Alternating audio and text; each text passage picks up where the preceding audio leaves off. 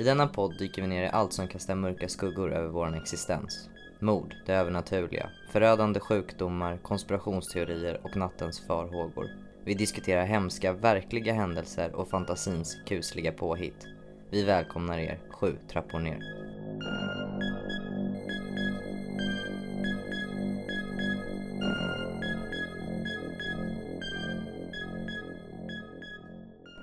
Hej och välkomna till podden utan namn tänkte jag säga. Sju trappor ner. Med Oj, nu gick vi- och Kevin. Vi är tillbaks till gamla podden nu. Eh, nej, absolut inte. Eh, välkomna till sjunde avsnittet. Ja, Hur är Ja. läget? det, det är bra med mig. Det är bra, eh, tycker jag faktiskt. Hur är det med dig? Eh, ja, Jo, eh, lite trött. Jag låg ju faktiskt och sov innan jag kom hit. Men sen fick jag lägga ruschen till bussen. Och nu är jag här. Och nu mår jag bra känner jag. Direkt när jag kom hit så bara I got this. det är för att jag är här. Yeah. Nej, jag ska... Jo kanske. Nej kanske för att jag fick lite kondition. Jag fick gå i massa trappor och springa lite. Då kanske jag fick frisk luft och Motion. ja. Och din hjärna bara "Ha." Men det bästa är bra. att precis när jag vaknade. Alltså jag eh, skulle ju ta en powernap. Sa jag ju till dig innan jag kom hit. Ja. Sen eh, hade jag ställt larmet och så snoozade jag gång på gång på gång på gång. Jag visste att jag snart måste jag kubba alltså. Men sen så bara, ja okej nu måste jag verkligen gå upp.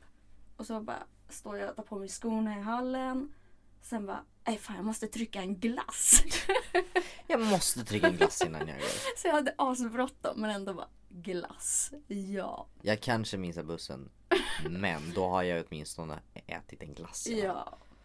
Värt. vi har såna här äh, pyttesmå miniglassar hemma. Ah. Så här, bara små munsbitar. Det, det var jag i morse, jag skulle springa till bussen Jag bara ha Stress, jag har typ några minuter på mig och det är snorhalt ute Åh, Och så gud, precis när jag öppnar dörren jag bara Fast jag är lite sugen på att ta mig en klunk Pepsi innan Mm. Så vände jag, gick till kylskåpet, tog mig en klunk och sen bara Så nu har jag inte fem minuter, Men nu alltså så här, två minuter prioriteringarna när man var ung och alert och liksom redo på livet. Då, Nu är jag då hade man sina och priorities straight liksom. Men Nej, nu... det har eh, jag aldrig haft Nej. Gay Ja. jokes.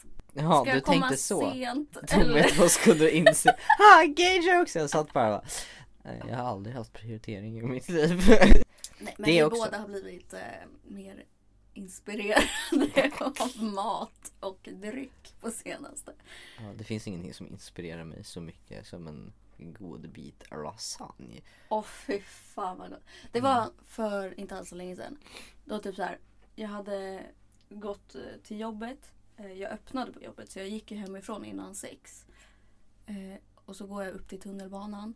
Direkt då så bara skriver jag till Marcus och bara Vad ska vi äta för middag ikväll? Ska vi äta tillsammans? För att han, eh, det var eh, så här, han skulle sluta tidigare eller vad fan det var. Det var någonting så att vi skulle äta tillsammans och det var min första tanke. Jag bara vaknade för tio minuter sedan. Tänk på middag. För jag gillar inte frukost eller lunch. Jag frukost äter Men inte jag heller. middag. Middagsmat. Jo, igår tryckte jag några M&M's innan Jag klev upp i sängen, jag vaknade och Ja, så men det är ju vände jag mig frukost. till höger och bara Här har jag en öppen påse med M&M's Gott. Tycker jag Eh, men ja. Eh, Men eh, nu ska vi bege oss till en plats där det inte finns lika mycket mat känner jag. Eller nej, nej. det är mer Ehm, barr och mossa. Ja, vi ska ju prata om skogen idag, är ju tanken. Men eh, Vad är din relation till skogen? ja, vad är din relation till skogen? jag älskar skogen. Men jag är ju så här, de senaste åren har mitt intresse för typ så här camping och hajka och, och allmänt sånt har ju växt som fan. Du vet att du pratar jävligt lågt. Jag gillar skogen jag. Ja. Ja, men jag får väl prata lite högre då. Ja, för jag bara såg på där, du ser hur... Oj! Jag bara viska. Så, Ja, nej men jag, jag älskar skogen, jag tycker om den. Ehm, vi får ju se om jag tycker lika mycket om den efter dagens Jag kanske inte vågar bege mig ut i sommar. Tanken var ju att vi ska snacka om skogen idag. Men jag eh, kommer inte snacka om eh, liksom barrskog och så. Utan jag kommer ju prata om Amazonas. och the jungle. Det är ju en Så slags... det är ju en regnskog. Ja, det är ju en skog. Eh, djungel. Jag- liksom. Jag kommer ju hålla mig på hemmaplan. Och Mm. snacka om den svenska barrskogen. Ja, men jag kommer ju bege mig till eh, Bolivia. Ja, men eh, Sydamerika.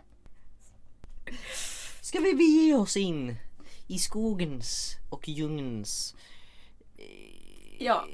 platser? Ja, Ja. Eh, det tycker jag. Men jag vill bara en till men. Men. Eh, jag har ju inte skrivit jack shit den här gången. Jag eh, har bara kollat på saker och lyssnat på saker och kommer eh, köra från minnet. Mm. Eh, för jag tänkte att jag behövde inte så många källor den här gången. För jag kommer berätta om en överlevare. Så jag har mest bara lyssnat på hans berättelser och så har jag lyssnat på hans bok. Och Ja, kollat på en ändå- film baserat på hans liv. Så jag tänker att jag memorerade mer det. Och sen kommer jag ha eh, engelska Wikipedia-sidan uppe bara som eh, Så här små falla tillbaka till Ja. på. Om, ja men det ja. viktigaste är ju hans story för det är ju den som vi ska följa då. Jag tänker att jag kan eh, börja då. Mm, tycker jag också.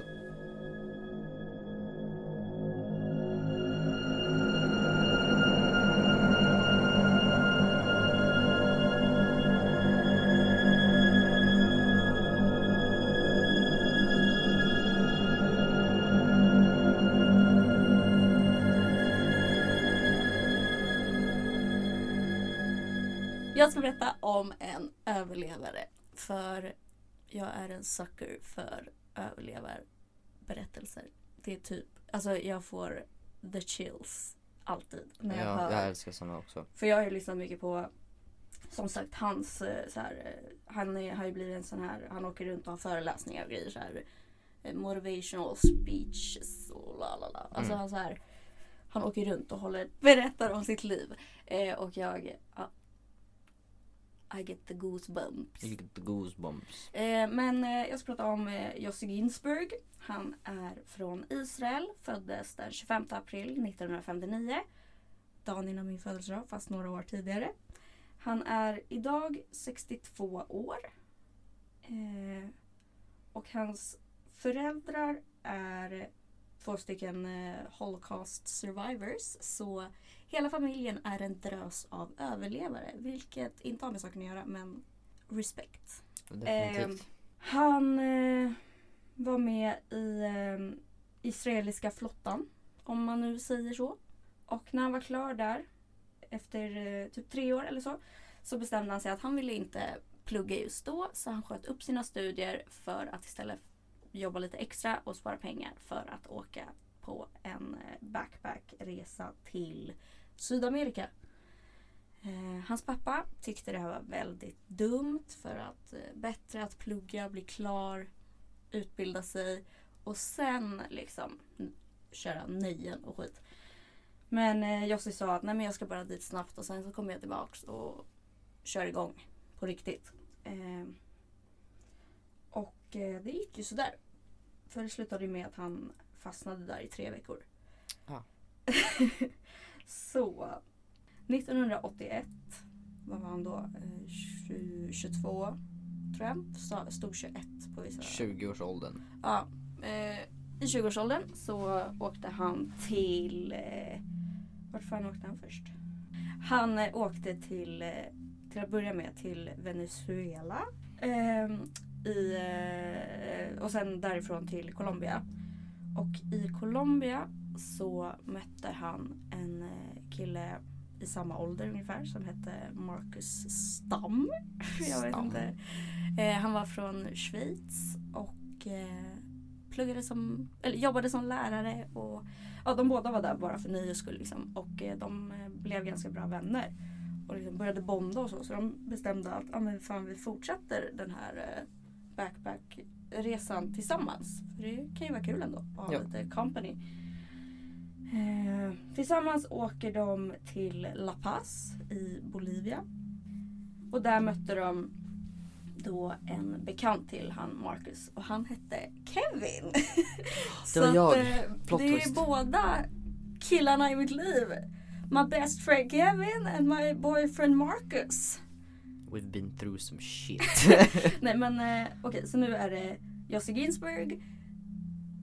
Jossi, Kevin och Marcus. Ja. Ja. Eh, Kevin heter Gail i efternamn. Kan vara bra att veta.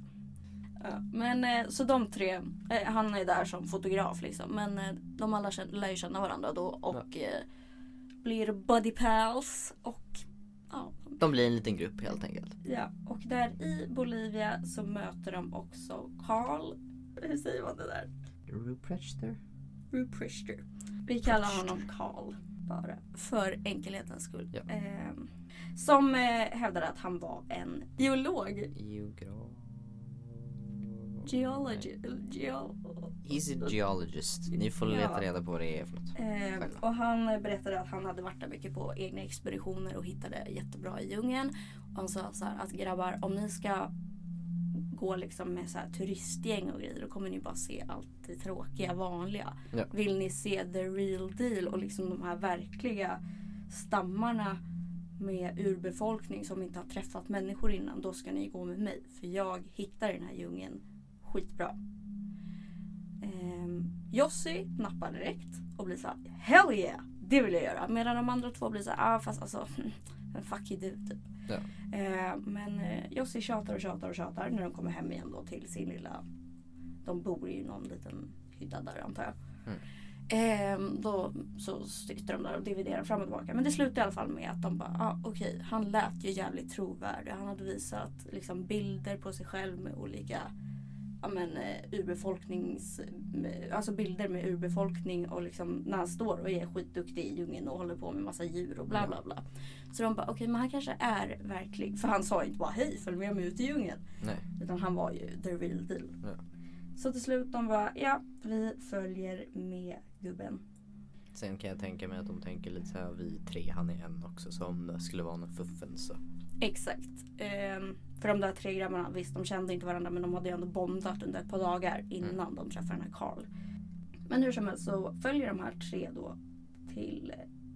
Varför är det så många svåra ord? Twitchy River.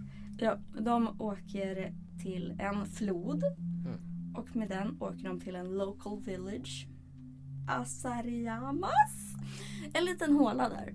Och eh, därifrån, alltså där samlar de på sig mat och nödvändigheter och packar ihop sig. Och sen så ska de helt enkelt bara Ut i djungeln. därifrån. Mm. Ehm. Mm, mm. Och han den här Karl säger ju då att vi måste vara väldigt försiktiga när vi snackar med de här äh, som vi kommer stöta på för de har aldrig sett vita män. De tycker vi är väldigt konstiga. Vi får, så håll er till mig och liksom gör som jag, lyssna på mig. För I know this shit. Jag har gjort det förut liksom. Ja. Ja. Eh, så de börjar vandra och vandra och vandra och det går väl en jävla massa dagar. Och de har ju då beräknat fel såklart med sin mat. Mm. Så att den börjar ju liksom ta slut. Så eventually får de börja äta liksom frukt och grejer som de hittar. De skjuter apor och äter. Men den här Marcus som är med, han vill inte äta apor för han kunde inte hantera att se liksom Nej. hela grejen. Så han blev ju med tiden väldigt så här, svag av näringsbrist. Liksom. Han hade inte käkat på flera dagar. Så han blev väldigt svag och han hade fått väldigt blöta fötter. Han hade inga bra kläder. Alltså han, de hade ju inte planerat att det skulle vara så långt. Så, så, alltså, de, det blev ju mycket längre än vad de hade tänkt. Så de var inte all, alls utrustade för den djungeln och det klimatet. De hade ju verkligen så här underestimated hur eh, liksom, långt in de skulle. Ja det är också lätt att om man inte planerar exakt hur lång, lång tid någonting kommer att ta. Att- Nej och sen de var ju lite mer förberedda på det, ja, men det här turistiga. Ja. tänker jag. Men nu blir de ju verkligen så här, de hamnar i ett ställe där det är helt alltså, orört.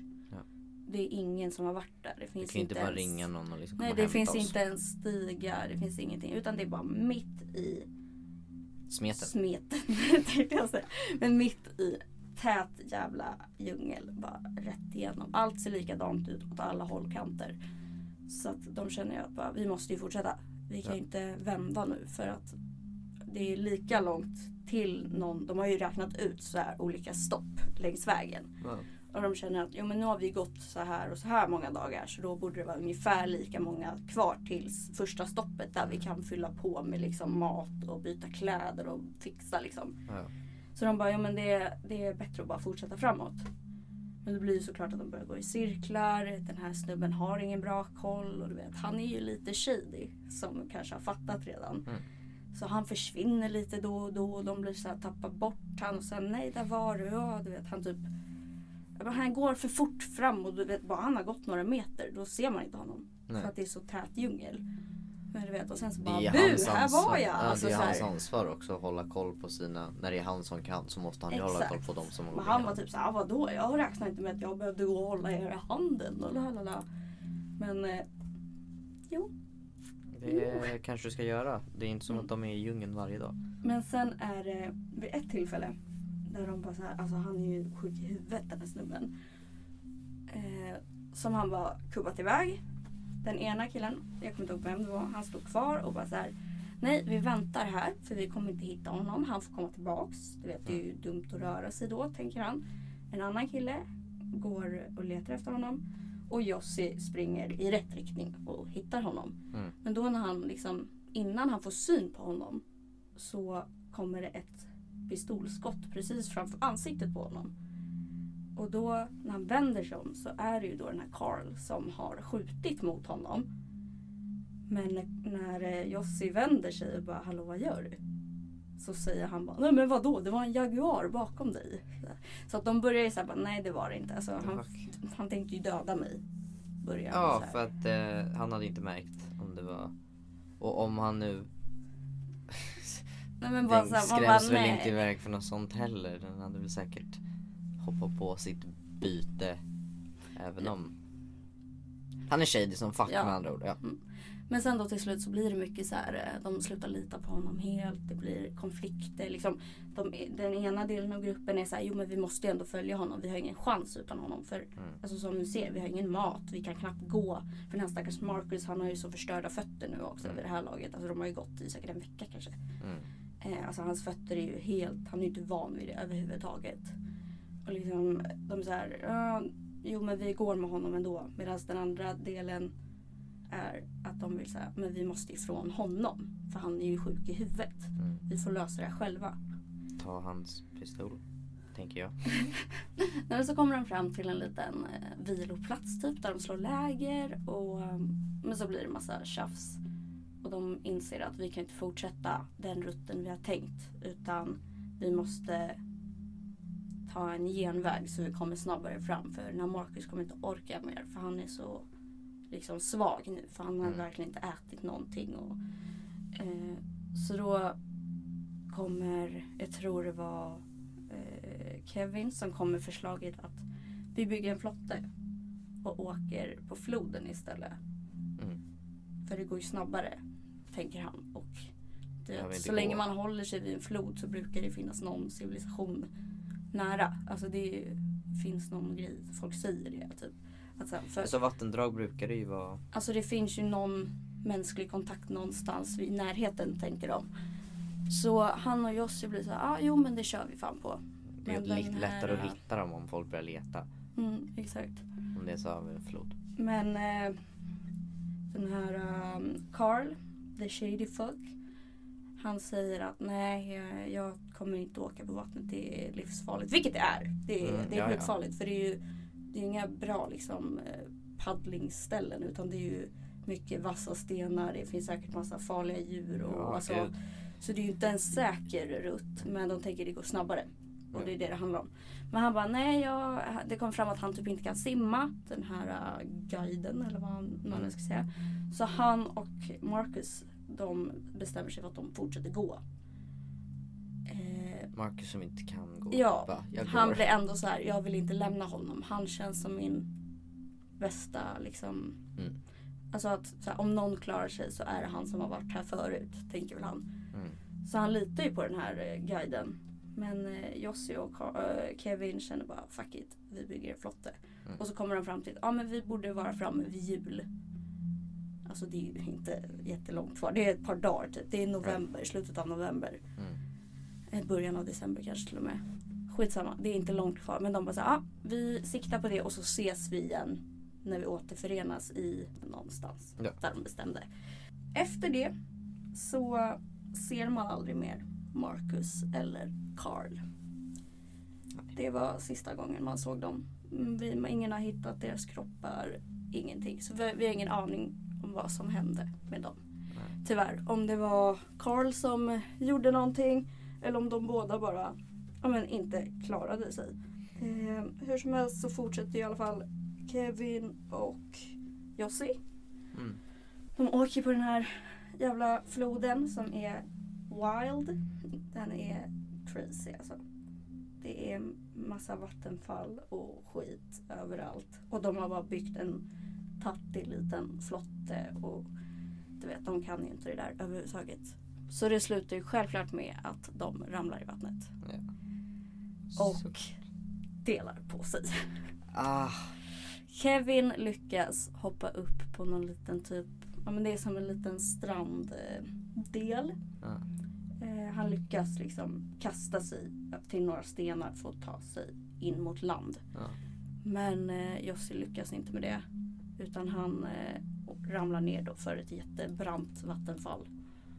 Alltså Mm. bara rätt ner. Så han håller ju på att drunkna. Han slår huvudet i stenar. Och du vet, liksom, han blir ju, det, redan där hade han ju kunnat dö. attack, Ja. Eller han, de hade ju kunnat dö redan tidigare. Ja. Men nu är det ytterligare en grej han hade kunnat dö av. Och sen då när han vaknar till. För han har hamnat då så att han ändå hamnar eh, på land. Han har flytit till land. Ja, han har flyttat i land ja. Men när han vaknar till då bara shit jag måste hitta. Alltså då är ju också alla deras eh, grejer. De få grejerna de hade kvar är också borta då. Allt har ju spolats bort. Och han är så här, han tittar upp och ser den här stora bergväggen. Och bara där uppe är ju Kevin. Mm. Så han börjar ju klättra och försöker ta sig dit. Men inser efter ett tag att de kommer inte hitta varandra igen. Det är liksom kört. Så då inser han att han är helt ensam. Och efter det här är han i djungeln i tre veckor.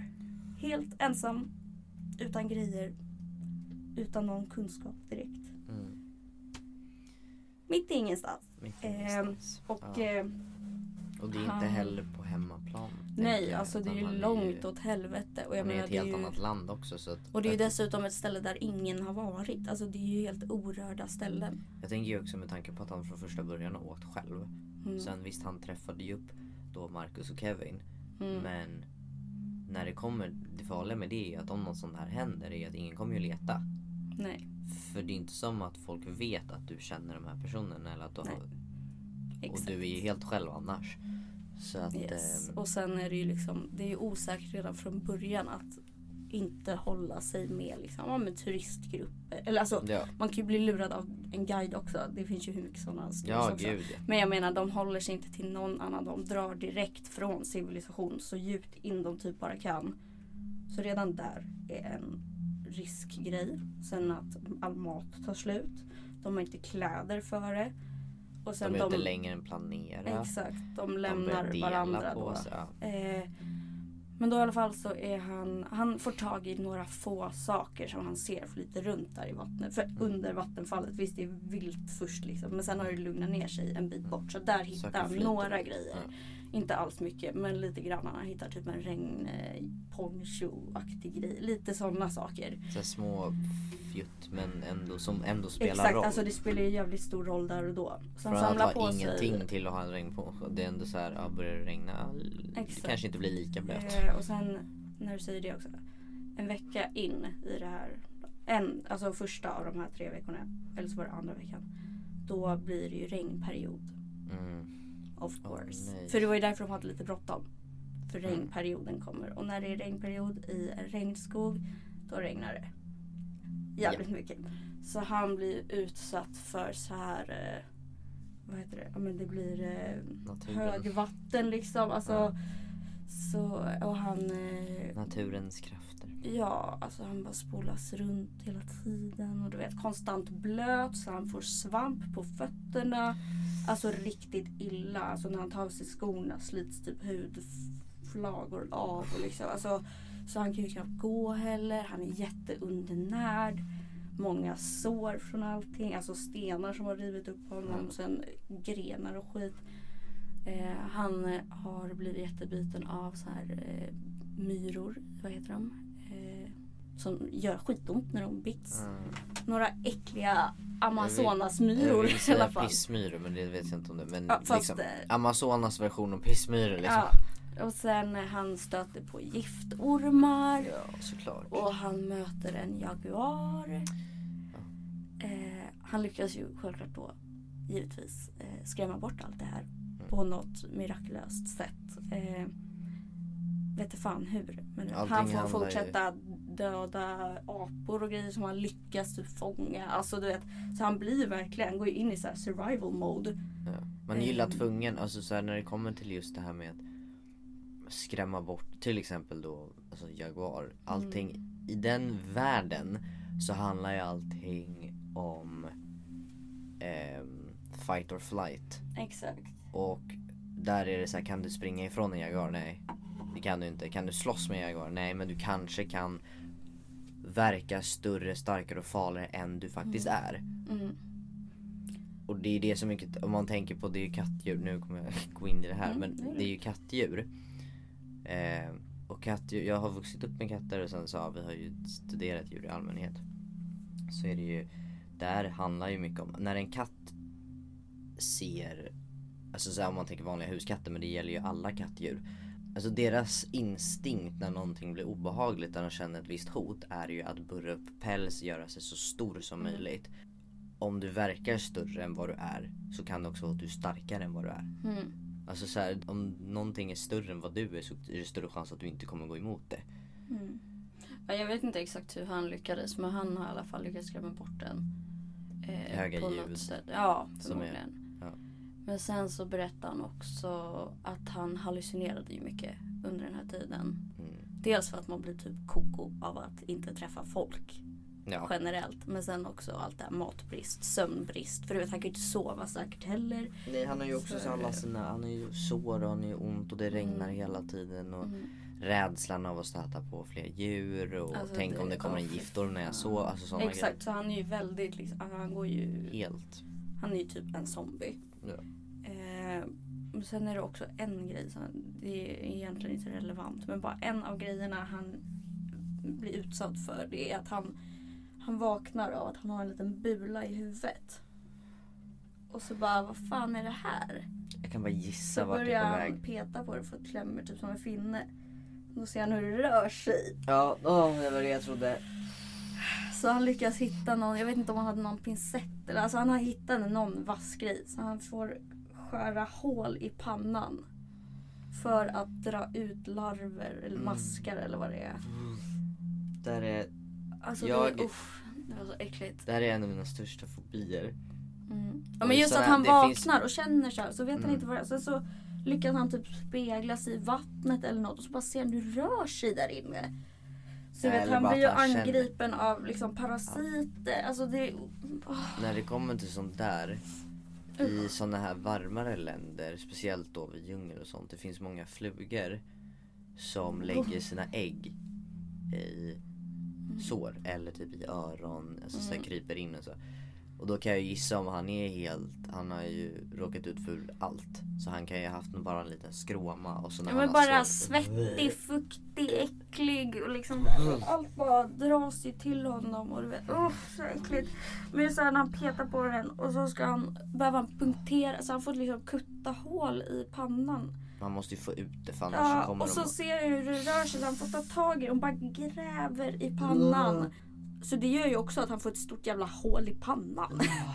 Men där är det också, jag kan gissa att om du har massa grejer och sen uppe på det, det blir paniken att du kommer inte känna smärtan för du måste Nej, nej, Jag hade nej. gjort samma sak, jag hade rivit sönder hela mitt ansikte Ja gud ja, gud ja. Och så jag menar han har ju redan gjort väldigt mycket Han är Egentligen redan halvdöd, jag kan lika gärna Ja. Kutta sönder halva men, ansiktet. ja, du vet. men det var bara en liten så här extra grej hur äckligt han hade det. Och just det här som jag sa med fötterna. Att de, han kan typ inte ta av skorna för då lossnar delar för att det är så om De är helt förstörda. Mm. angripet för att han gått med de blöta skorna. Du vet. Han har fastnat i så här kvicksand och skit. Eller inte kvicksand, i så här lera. eh, sjunkit ner i sömn och knappt kommit upp. Och du vet, så han är ju så äcklig och förstörd stackarn. Och du vet, eh, det, folk som du säger, de har ingen aning om vart han är eller alltså att han ens är där. Nej. Men efter eh, när Kevin och Jossi har separerats från varandra så har Kevin flyttit upp då på den här strandbanken Banken. ja. Och eh, blivit hittad efter fem dagar. Åh. Så han har blivit tagen tillbaks till La Paz, tror jag det var. Och där har han liksom berättat att jag var i djungeln med tre till. De är kvar där ute. Den ena så berättar han ju hur han och Jossi har åkt. Så de blir ju, de skickar ju folk som ska söka efter honom. De skickar ju folk. Men efter ett tag, de blir så här, alltså det var så länge sedan. Han kan inte ha överlevt. Så Så lokalbefolkningen han har där. ramlat ner för ett vattenfall, han har varit där i flera, Ja. över veckan Ja men nu, du vet, alltså, lokalbefolkningen blir så här, ja vi kan leta ett tag men alltså, det är ju det är större chans att varje han är dag död redan. är ju liksom mer att så här, vi ska leta efter en kropp istället för att Ja. leta efter, efter en person. Så du vet, till slut blir de så här, nej men vi, vi orkar inte skicka resurser, det är inte värt det. Du får släppa honom typ. Han tjatar och tjatar och tjatar. Och du vet Jossi tror ju att han är helt lämnad. För han vet ju inte att Kevin har klarat sig heller. Nej, han kan ju säkert lika gärna tänka så här, ja, de, han ligger död någonstans också. Mm. Men sen Så eh, att det är bara en tidsfråga innan liksom. Men sen då den här Kevin, han, han ger sig inte. Han, eh, han går typ till någon, eh, ja, men någon som jobbar inom polisen där. Typ på något. Jag vet, alltså det funkar annorlunda i de där länderna Ja. än här. Jag vet inte hur deras system ser ut. Men i alla fall, då går han till någon typ sheriff. Sheriff, sheriff. Sheriff. Eh, Ja. och bara så här, vad kostar din båt? Låt mig köpa din båt. Och den här snubben han bara, vad ska du med den till? Och sen han bara så här, kommer inte ni leta då måste jag leta. Jag kan inte ha det på mitt samvete att jag inte ens har försökt. Nej. Och då till slut han bara, okej, jag hjälper dig. Mm. Eh, så då skickar de faktiskt ett litet rescue team, inte alls många, det är väl typ så tre pers kanske som är ute och letar då. Och det här är då tre veckor efter att han har varit ensam där i den här djungeln. Eh, och så åker de och så är de jättenära där Jossi är. Men vid tillfället är Jossi så pass liksom illa däran att han Han märker han är ju avsvimmad typ. Han ligger ju bakom något, liksom stockar och grejer. För att det är hans lilla skydd. Ja. Typ. Och du vet han hallucinerar att det är någon kvinna. Han berättade att han var mycket med, det var en kvinna med honom hela tiden. Mm. Som support och stöd. En annan som han skulle hjälpa. Så han typ levde ju lite för att hjälpa henne.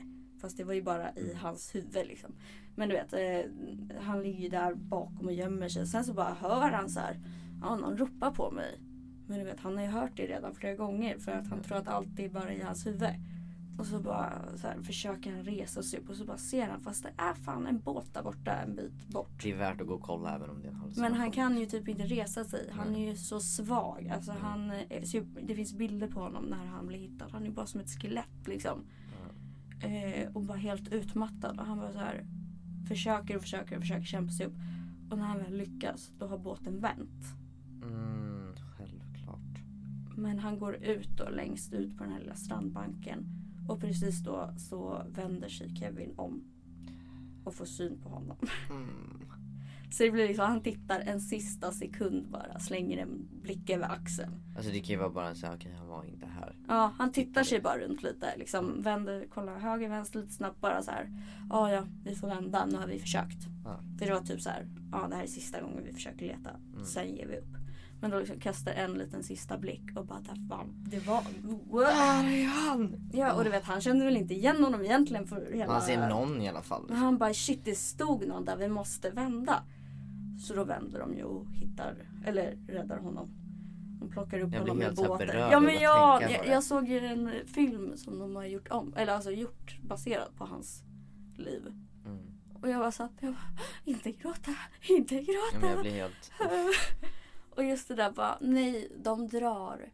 Men sen så här, det var typ så här lite typ om man ska tro så övernaturliga grejer. Kanske att han typ så här slänger en blick. Det var det var Hon bara Kevin, ja, men någonting så här bara att han kände på sig lite kanske att jo men måste. Och så hittar de honom men då kollapsar ju han den här eh, Jossi för då känner han väl att nu, är- nu är jag safe, nu är jag, nu är jag räddad. Så då är han ju upp liksom då kan man väl slappna av tänker jag. Innan har det ju bara varit när han måste överleva, lalala. Men då blir han hittad och typ kollapsar och de bär i honom Ja, i men det båten. är ju så om, om, om du fortsätter röra dig, fortsätt leva. Ja, men det är ju bara så här, ständigt. fortsätt andas. Ja. Alltså bara den Så lilla till grejen. slut så blir det ju den att det som är jobbigt med sånt här är ju också det här, du har ju verkligen inte någon kraft, inte bara för att liksom Både psykiskt så och mycket så, fysiskt. men, men det är också den här när du, när du svälter, till slut börjar ju kroppen äta på musklerna. Exakt, han för, Så är att, helt att förtvinad. han ens kunde ställa sig upp, alltså så här, ens kan lyfta en arm efter tre veckor. Nu har han ju visst, han har ju fångat apor och han har säkert hittat Mm. frukt och så. Men det är ändå det här Ja, Nej, Nej, men sjukt. då bara så ger ju kroppen upp då. För då inser den väl, eller han, då blir det väl att så här, nu är det inte survival mode längre. mm. Men så räddar de honom, han kommer tillbaks. Hela lilla byn där, alltså det är bara ett litet samhälle. Så hela byn där blir så här, de ser att han är en överlevare. Vet typ. Mm. Ehm, och de känner väl djungeln bättre än någon så de vet väl Så ja, om du jo. bor Ja, i en ja. liten by i djungeln då är det väl det här du har ju fått inprintat i huvudet från du föddes. Ja, ja. Liksom hur farlig djungeln är och Men efter det blir han eh, vårdad på sjukhus i tre månader. Så han är... det var ändå en kort tid. Jag tänkte att det Ja. skulle vara längre med tanke på Men han får väl rehabiliteras hemma också antar jag. Jo, det jo. kanske är så akutvård och sånt på sjukhus och sånt. Eh, han återvänder hem men eh, jag tror det är bara typ tio år senare så åker han tillbaks till exakt samma djungel. Eh, men då i syftet att liksom men bygga upp samhället där lite. Hjälpa till så att förbättra det så att det blir bättre levnadsvillkor och hjälpa till där lite och fixa. fint. Och sen, men ändå att han åker tillbaks till just den floden han hittades vid och liksom måste väcka mycket känslor tänker jag. Ja gud. Men eh, han åker tillbaks dit och liksom börjar hjälpa dem där i det lilla samhället och spenderar mycket tid där och bygger upp massa skit. Eh, och sen så åker han runt och pratar och berättar om sitt liv och så här, ja men motivations-speech grejer och sen ja, han eh, har ju skrivit böcker eh, om sitt liv och han har nu fyra barn och jag vet inte om han är tillsammans med frun längre. Men ja, hans liv har blivit bra nu. För nu är han också någon, jobbar med lite IT och entreprenör skit. Alltså jag är inte så insatt i vad han gör nu riktigt. Men Nej. det är väl främst här åker runt och hjälper utsatta byar typ och så. det är För ändå att, väldigt eh, fint. Ja men för att folk inte riktigt ska försvinna på det sättet tror jag. Liksom bygger upp ett säkrare community typ. Mm. Eh, så ja. Och det jag har haft som källa det är ju bara eh, hans egna böcker. Två stycken lyssnade jag på. Och sen har jag kollat på mycket dokumentärer när han berättar om sitt liv. Och då den här filmen som heter Jungle bara. Eh, som vi- är baserad på hans liv. Det är Daniel. Radcliffe som eh, är, spelar Jossi. Mm. Jag tycker ju sånt här är något extremt intressant. Mm. För överlevnadshistorier har jag varit intresserad sen, sen jag var barn. Mm. För när jag var liten så fick jag eh, Robinson Crusoe på hörbok. Mm. Och från första gången jag hörde den så har jag varit fäst vid det här med Ja, men jag säger det. överlevnad Survival i stories give me the chills. Men jag har det är varit- någonting. När jag var liten, alltså det här är en... Jag har varit så fäst vid det här för att från Robinson Crusoe, så när jag var typ ja, men 10 år gammal då brukade jag fantisera vad hade jag gjort om jag var på en öde ö? Hur hade jag. Alltså så Mm. verkligen så här, tioåringar vill kanske inte sitta och bara om jag var på en öde ö, Mm. hur hade jag överlevt? Men jag har ju också gjort så. Jag har ju en pinsam grej från när jag var liten. Jag hade ju nödmakaroner gömt i mitt rum. Ja, det har du Eh, sagt. Jag hade små, ja men såna här små lådor typ. Som jag så här, hade några makaroner där och sen hade Ifall jag en pall som man kunde ta loss en bit på. Där Ja. hade jag gömt lite. Alltså så här, bara, varför makaroner? Men ändå, det var ju också, jag var ju pytteliten. Vad kan jag ha varit? Sju kanske? Ja, Men såhär, Men ändå att man händer. har de där tankarna. Det är ju bara, alltså det är något så, åh. Men jag brukade verkligen så här. äh, Så jag, jag brukar älska den här frågan, det har jag gjort hela mitt liv. Typ ähm, just den här, ja, om du var på en öde ö, vad är tre grejer du har tagit med dig? Och då Mm. brukar jag tänka så här, om jag tre grejer. Mm.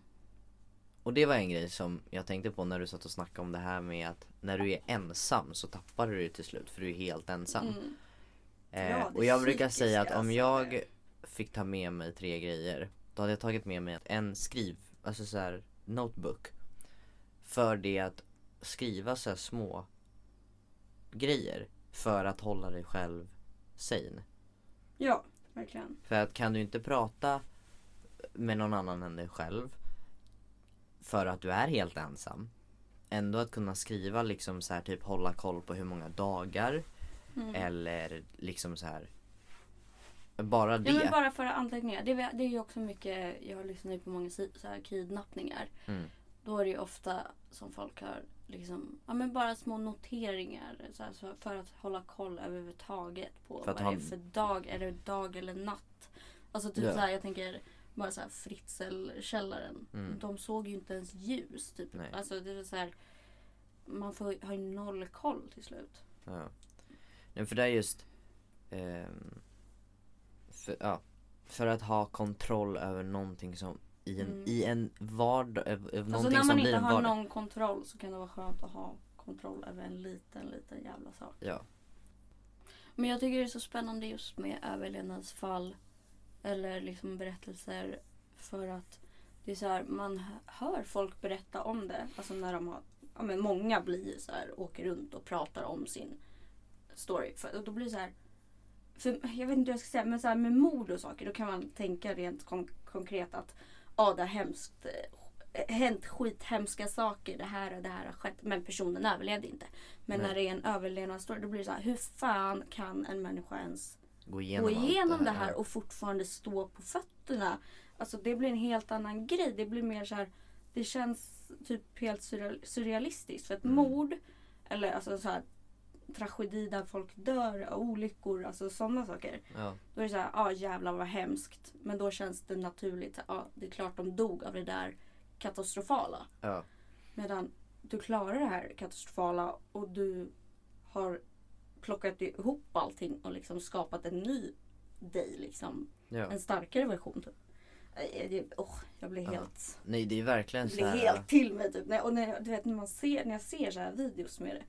Då blir jag så här, jag, jag vet inte, jag blir bara så helt tårögd och bara... Ja, men det är samma här. Jag blir helt Jag är helt Jag kan typ inte ens sätta, Sätta ord, ord på det. precis. Nej men det är verkligen så här. Det är en helt Ja, här, det är orimligt, du ska inte ha klarat de här sakerna. Men på något sätt gjorde du det. Ja nej alltså Och så här, då menar jag inte bara just det här fallet utan generellt. Alltså folk som överlever på helt sjuka sätt. Men hur? Mm. Då känns det bara så här om hjärnan ska koppla någon logisk lösning inom Mm. situationstecken. Då är det att man dör. Det blir så här, Ja. folk kan inte utstå så mycket skit och klara sig. Men jag tänker också i det här att i ett sånt här fall tre veckor Det blir ju tekniskt sett bara värre och värre för varje dag som Mm. går Hur lång tid tar det innan man ger upp? Också att Ja, man bara det. Antingen så- bara lägger sig i en hörn eller faktiskt typ tar sitt liv om det går. Mm. För att till exempel där tre veckor. Ja, han har väl ingen koll på att han har varit där ute i tre veckor. Nej, och när känner man att enough is enough liksom? Ja. Liksom så här, ska jag vänta fem minuter, fem timmar, fem, Fem dagar? dagar, alltså så här, när är det liksom kört? När finns det Och inget? det är det som är så intressant med det psykiska för jag tror vissa så här när man snackar med folk, tror vissa som är såhär jag hade aldrig gett upp, andra är såhär jag hade gett upp efter så här lång tid. Jag tror inte man kan säga det förrän man är i situationen. Sant, sant, sant. Men det är väldigt så här, alltså, jag tror att Jag tror att det är en så stor skillnad också, det är beroende på person. Hur stark är en person Ja, i sig själv? ja. Har du starkt psyke? Är du, har du rätt eh, omstats... Alltså, hur är du fysiskt? Ja, hur Alltså, ser situationen ut? Ja, det, det är så beror på. Och mycket det var som... sån tur, typ också, tror jag, att det handlar mycket om slumpen. Att det var just den platsen, de dagar. Alltså mycket så också. Ja, Jag tror varenda liten detalj kan göra så stor... Alltså så här, the butterfly effect. Hade Ja, han gjort ja, en det- sak annorlunda hade han kanske inte överlevt. Medan så här, alltså... sant, sant. Det är jag det, det, är helt det som... koko av att tänka på sånt här. Alltså. Det är så i, i, i alla situationer, just det här med the butterfly effect att Tänk om jag hade ehm, Alltså så här, på positivt negativt, tänk om jag hade gjort så här fem minuter tidigare.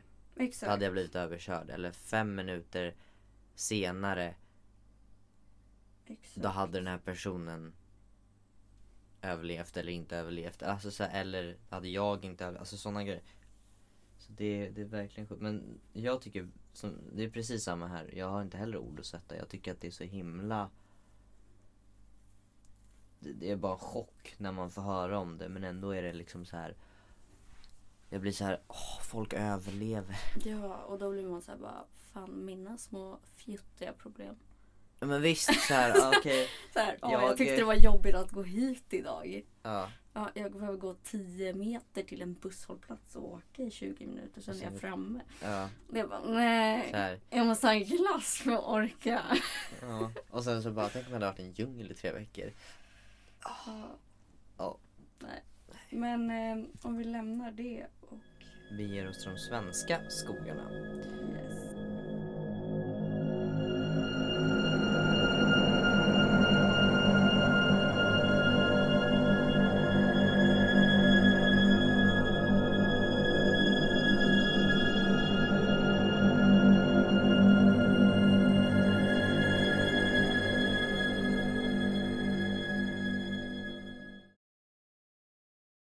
Så ska jag prata om ett väsen.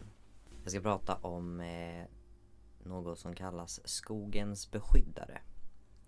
Det är en väldigt gammal legend som har funnits i Sveriges historia väldigt länge. Troligen så kommer historier om väsen som står på djurens och naturens sida. Från väldigt djupa jägartraditioner och från alla de som brukar färdas genom skogarna. Mm. Så, för det var ju mycket mer färdas i skogarna förr i tiden Mm. än vad det är idag. Jo. Ehm, eh, förr sägs det ha varit en manlig gestalt. Men det ändrades senare till en kvinnlig. Detta kan vara så att det ändrats på grund av jägare, skogshuggare, vandrare som har spenderat många långa ensamma dagar och nätter ute i skogen. Som kanske har saknat närheten av en kvinna. Skogsrået är en varelse som sägs ska skydda både skogen och alla dess djur. Oftast avbildad som en vacker ung kvinna med långt hår. Dock när hon vänder sig om och håret faller undan så är hennes rygg likt en ihålig och rutten trästam. Kanske har hon en svans som gömmer sig bakom hennes ben. Hon sägs kunna ändra skepnad och ibland blir hon även avbildad som en ful gammal dam med stora hängande bröst som sedan hon kan kasta över axeln. Nice. Alltså jag menar inget, jag menar mer, det måste göra ont. Alltså de ska ju vara så pass att hon... Det, det är stories om Så att när hon... estetiskt vill jag inte påpeka någonting för... eh, Fast om de hänger ner till knäna Ja, så... jo, men kan- fan vad ont att kasta patten! Ja. Aj!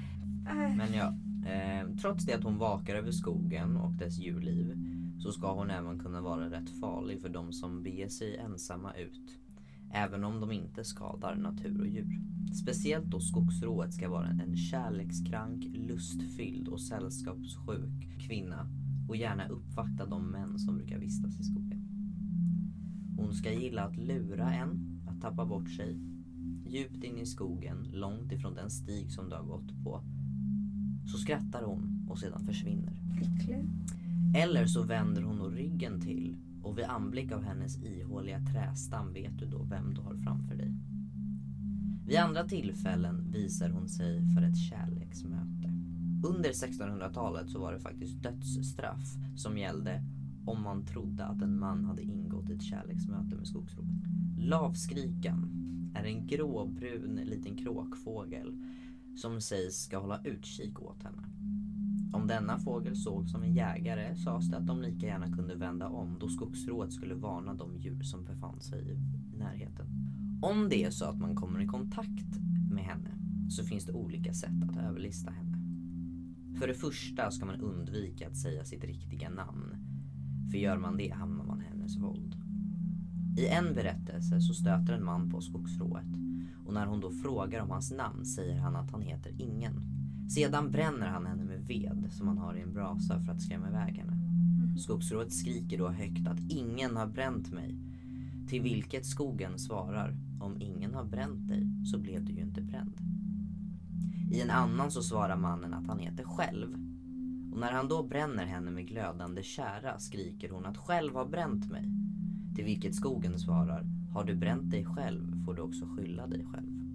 Om en man råkade använda sitt verkliga namn var han i skogsroets våld och var då tvungen att springa till skogs så fort hon kallade.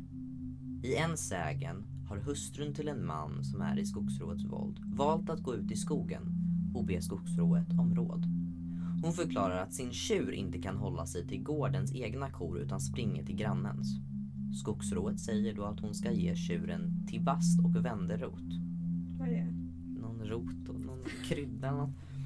När frun då kommer hem så lägger hon till bast och vänder rot i mannens mat. Och då bryts förtrollningen. Skogsrået klagar då. Tibast och vänderot. Ti vale mig som lärde dig denna bot. Sedan kan man för att hindra att hamna i skogsrött våld vända sina kläder ut och in eller bak och fram. För då ska hennes ehm, Då här- ser hon inte.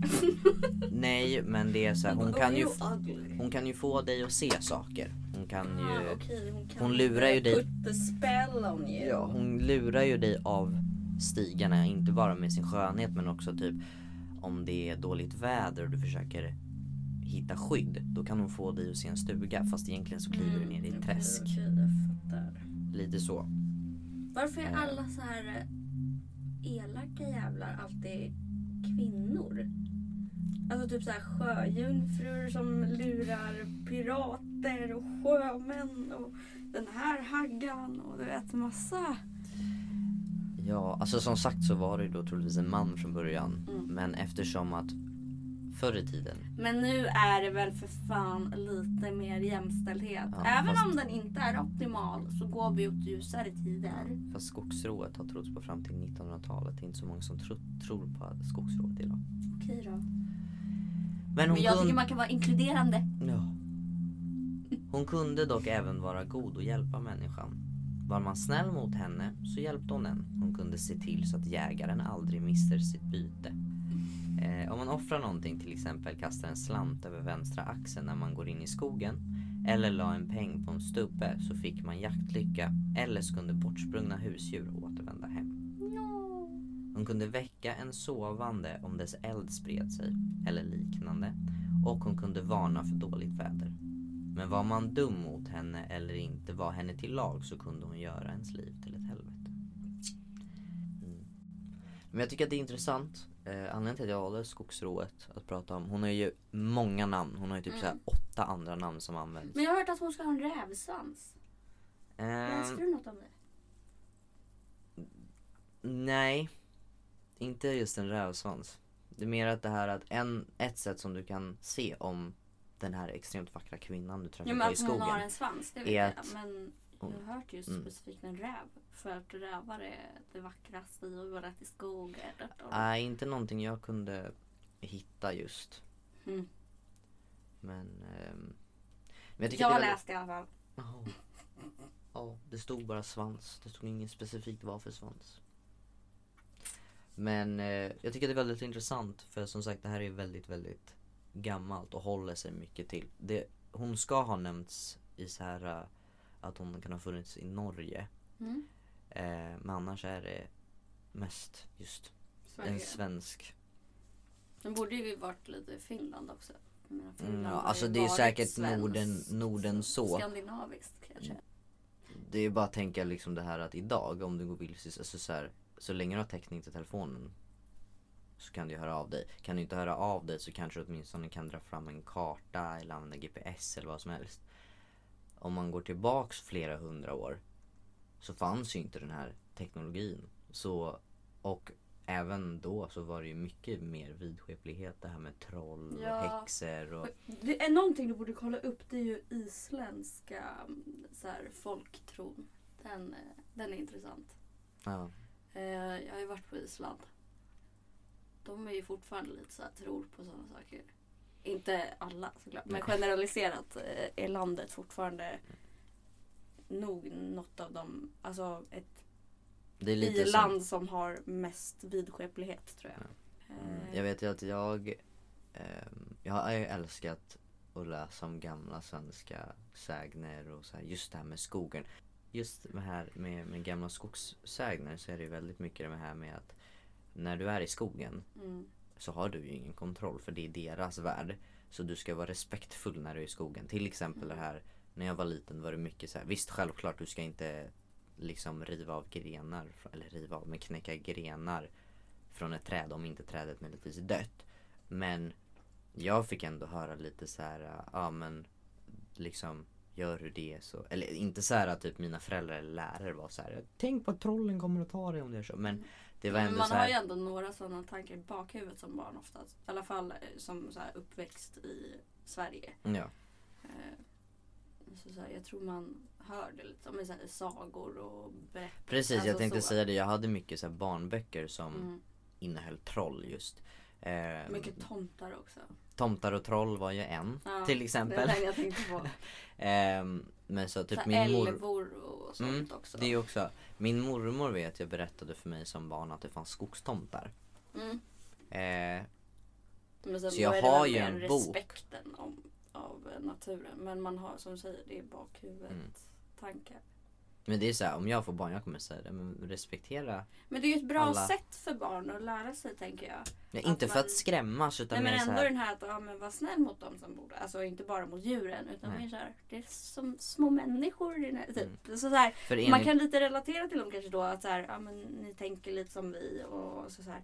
Det ja, här är ert hem, vi ska respektera. Alltså jag tror att det, mm, precis. För det är låter som, jättekräft när jag förklarar nu hör jag. Men, Nej, men- eh, jag nej, tror nej, vi nej. tänker lite lika. Så. Ja. Alltså det har alltid varit någonting som, det var därför jag valde också. Jag hade ju tänkt att snacka om något annat men sen så var jag såhär, nej men jag vill ändå köra just Men det är kul med så här gammal svenskt. mytologi och liksom folktro och eh, jag tycker sånt är spännande också. Storiesen om skogsrået tycker jag väl så här när man lyssnar på dem, jag tycker inte de är jätteobehagliga så. Men jag Mm. tycker att det är obehagligt är att tänk dig att du levde på den tiden när du visste inte vad som fanns i skogen. Du hade Nej, ingen exakt. aning. Och, du var ändå att tvungen tänka. att gå ut i skogen. För du var tvungen Mm. att få ved, Ja nu du var tvungen att plocka skogen hur bär. mycket man vill. Ja, men precis. Där var det ju liksom som att du ville tvungen och sen Eller typ så här, ja du bor i din lilla by eller så, ja ska du åka till någon annan, du måste åka genom skogen. Det finns inget annat sätt att liksom eh, Och på den tiden, då var det inte heller så här, du hade inte ficklampor, du hade inte, alltså så här, så skogen var ju en mörk plats Där det var Tänk på att när du går ut dit så kan du dö eh, Och då vidskepligheten att Mm. de vet inte vad som finns där ute så Jo men sen djur, också bara att man har sett saker som man inte kan förklara. ja, här, eller ljud Det måste varit det här. Alltså, du vet, det var ingen räv eller någon igelkott. Det var något annat. Ja. Så då Men typ blir som det det här- väl att folk, ja men jag har också sett det. Det måste vara något så här, du vet. Men så här, typ, det finns ju. Ja, ja, så mycket, mycket gamla grejer är ju just så här en berättar till någon annan och sen så händer det så ofta Mm. och det blir så stort att Men det är ju så med just sån här riktigt gamla eh, sägner och sånt är ju berättat från person till person. Det är inte någon Mm. som har suttit och skrivit ner eller tagit bilder. Idag är det ju Nej, väldigt exakt. mycket med bildbevis. Där var det ju så här, ja men min granne han sa att han såg skogsrået. Mm. Så nu är håller exakt, vi oss det, inne. Det blir då från mun till mun liksom. Att det blir. Och det blir mycket läskigare på det sättet. Alltså, Och sen alltså när folk har sett olika saker så bygger man ihop det till men ja ah, okej hon kanske har en svans då. Ja, så här, någon har sett det och det och ja, men det måste ändå vara samma. Ja, men då kanske hon har horn också. Alltså det är så här, man bygger upp bilden av eh, väsenet. Och så Baserat på vad folk säger och tycks Man ha eh, sett. Och, connectar the dots. Och bara, Ja. okej. men eller typ så här äh, rävens skrik. Det är så jävla äckligt. Ja. Det är liksom bara man där så är det Eller ju man kan inte förklara riktigt kanske vad det är. Det så Nej, här, det speciellt då. Speciellt då, det låter ju som någon som du håller på att dö. Mm. Och då har du ju inget annat att gå på än Men jag hörde någon som skrek Ja, i Börje skogen. berättade ju det där. Det måste vara det här han menar. Ja men precis. Ja, så att eh, Nu ja. Ja, så nu är det ju inte lika Jag tycker ju skogen i sig är obehaglig. Jag älskar skogen och jag vill gärna spendera mycket tid i skogen. Men Man jag har att det, fortfarande en respekt för den tycker jag. Ja. Alltså, jag är ju mer det här att Jo, tänk om jag stöter på någon äcklig människa här ja ute. exakt. Det var precis det jag jag är Jag är Tänk jag aldrig rädd troll. för monster eller liksom något sånt. Det är jag alltid rädd för. Det är ju psykon. Alltså människor där det har slagit slint. Ja. Det är det som är det läskigaste på hela jävla jorden. Och då att vara i naturen där du inte har skyddet av det finns andra människor runt omkring. För är du ensam eller det är du och dina två polare i, i ett tält någonstans och så kommer det någon jävel som börjar Nej hugga med en yxa. Du har ju bara dig och dina två polare då. Du kan ju inte springa in på något, någon mataffär och säga hjälp hon högg med benet. Nej, Alltså Exakt. Och sen man kan inte alltid förlita sig på folk generellt ändå. nej men Alltså, jag, jag menar, menar- händer det inne i stan då är det större chans att de här ja, man känner ju 300 ändå en trygghet. personer Det finns vittnen, det finns övervakningskameror, det finns... folk som kan Alltså, komma mm. fram och eh, hjälpa till att överrumpla. För är man 10 mot en så vinner man oftast. Om inte den här personen har hagel, hagelgevär tänkte jag säga. Ett automat ja, ett automatvapen. machine gun. Tänkte jag på. Men, ja. Men ehm, ja. Jag älskar det här konceptet vi har. Att jag kör verkligt och du kör lite myter och legender och skit. Jag gillar Mm, det. Det blir en nice combo. tycker jag också. The best of both worlds. Så det kanske ska bli våran nisch. Att vi kör det jämt. Ja, vi snackade ju om det förra, att vi tänkte Mm. att vi skulle fortsätta ha det så. Mm. Nice. Det tycker jag också.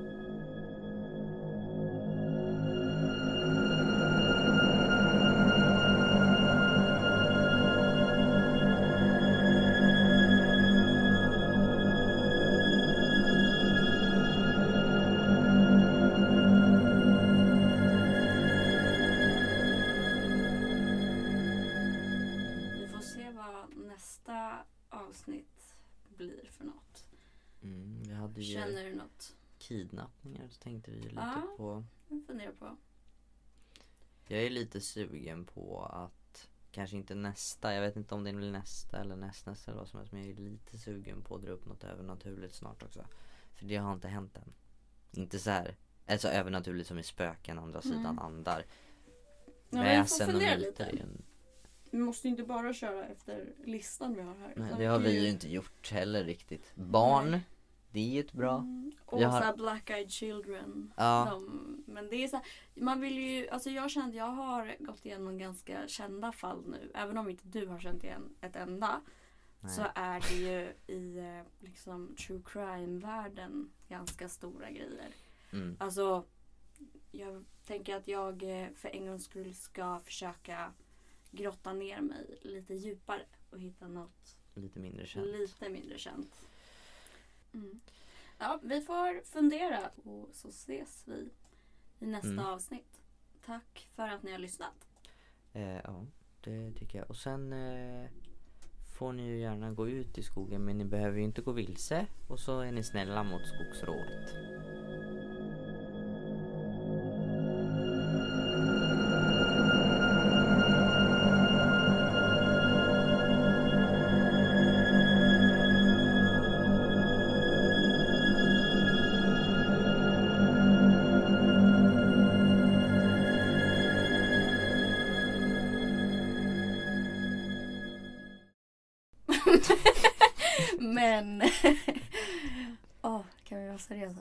Ja men det är lite skumt när jag plötsligt får din hand under nosen. Hallå? Han var en geokolog... Gynekolog? Han var ju en ekolog. Nej, Geologist. Eh, som kanske har saknat närheten av en kvinna.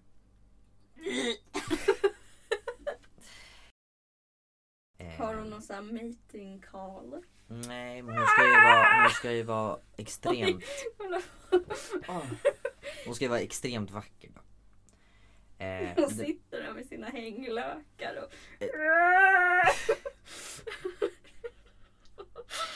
Bräker som ett får. typ på den tiden var det ju inte heller så naturligt tänkande. Idag är man ju såhär, ja men den här fågeln lät inte alls som dens art egentligen ska. Då Nej. går man ju inte såhär, ja men det är säkert en häxa som har förvandlat sig till fågel. Utan Mm. de är såhär, ja men den har väl något, den föddes med något strupfel eller något. Alltså såhär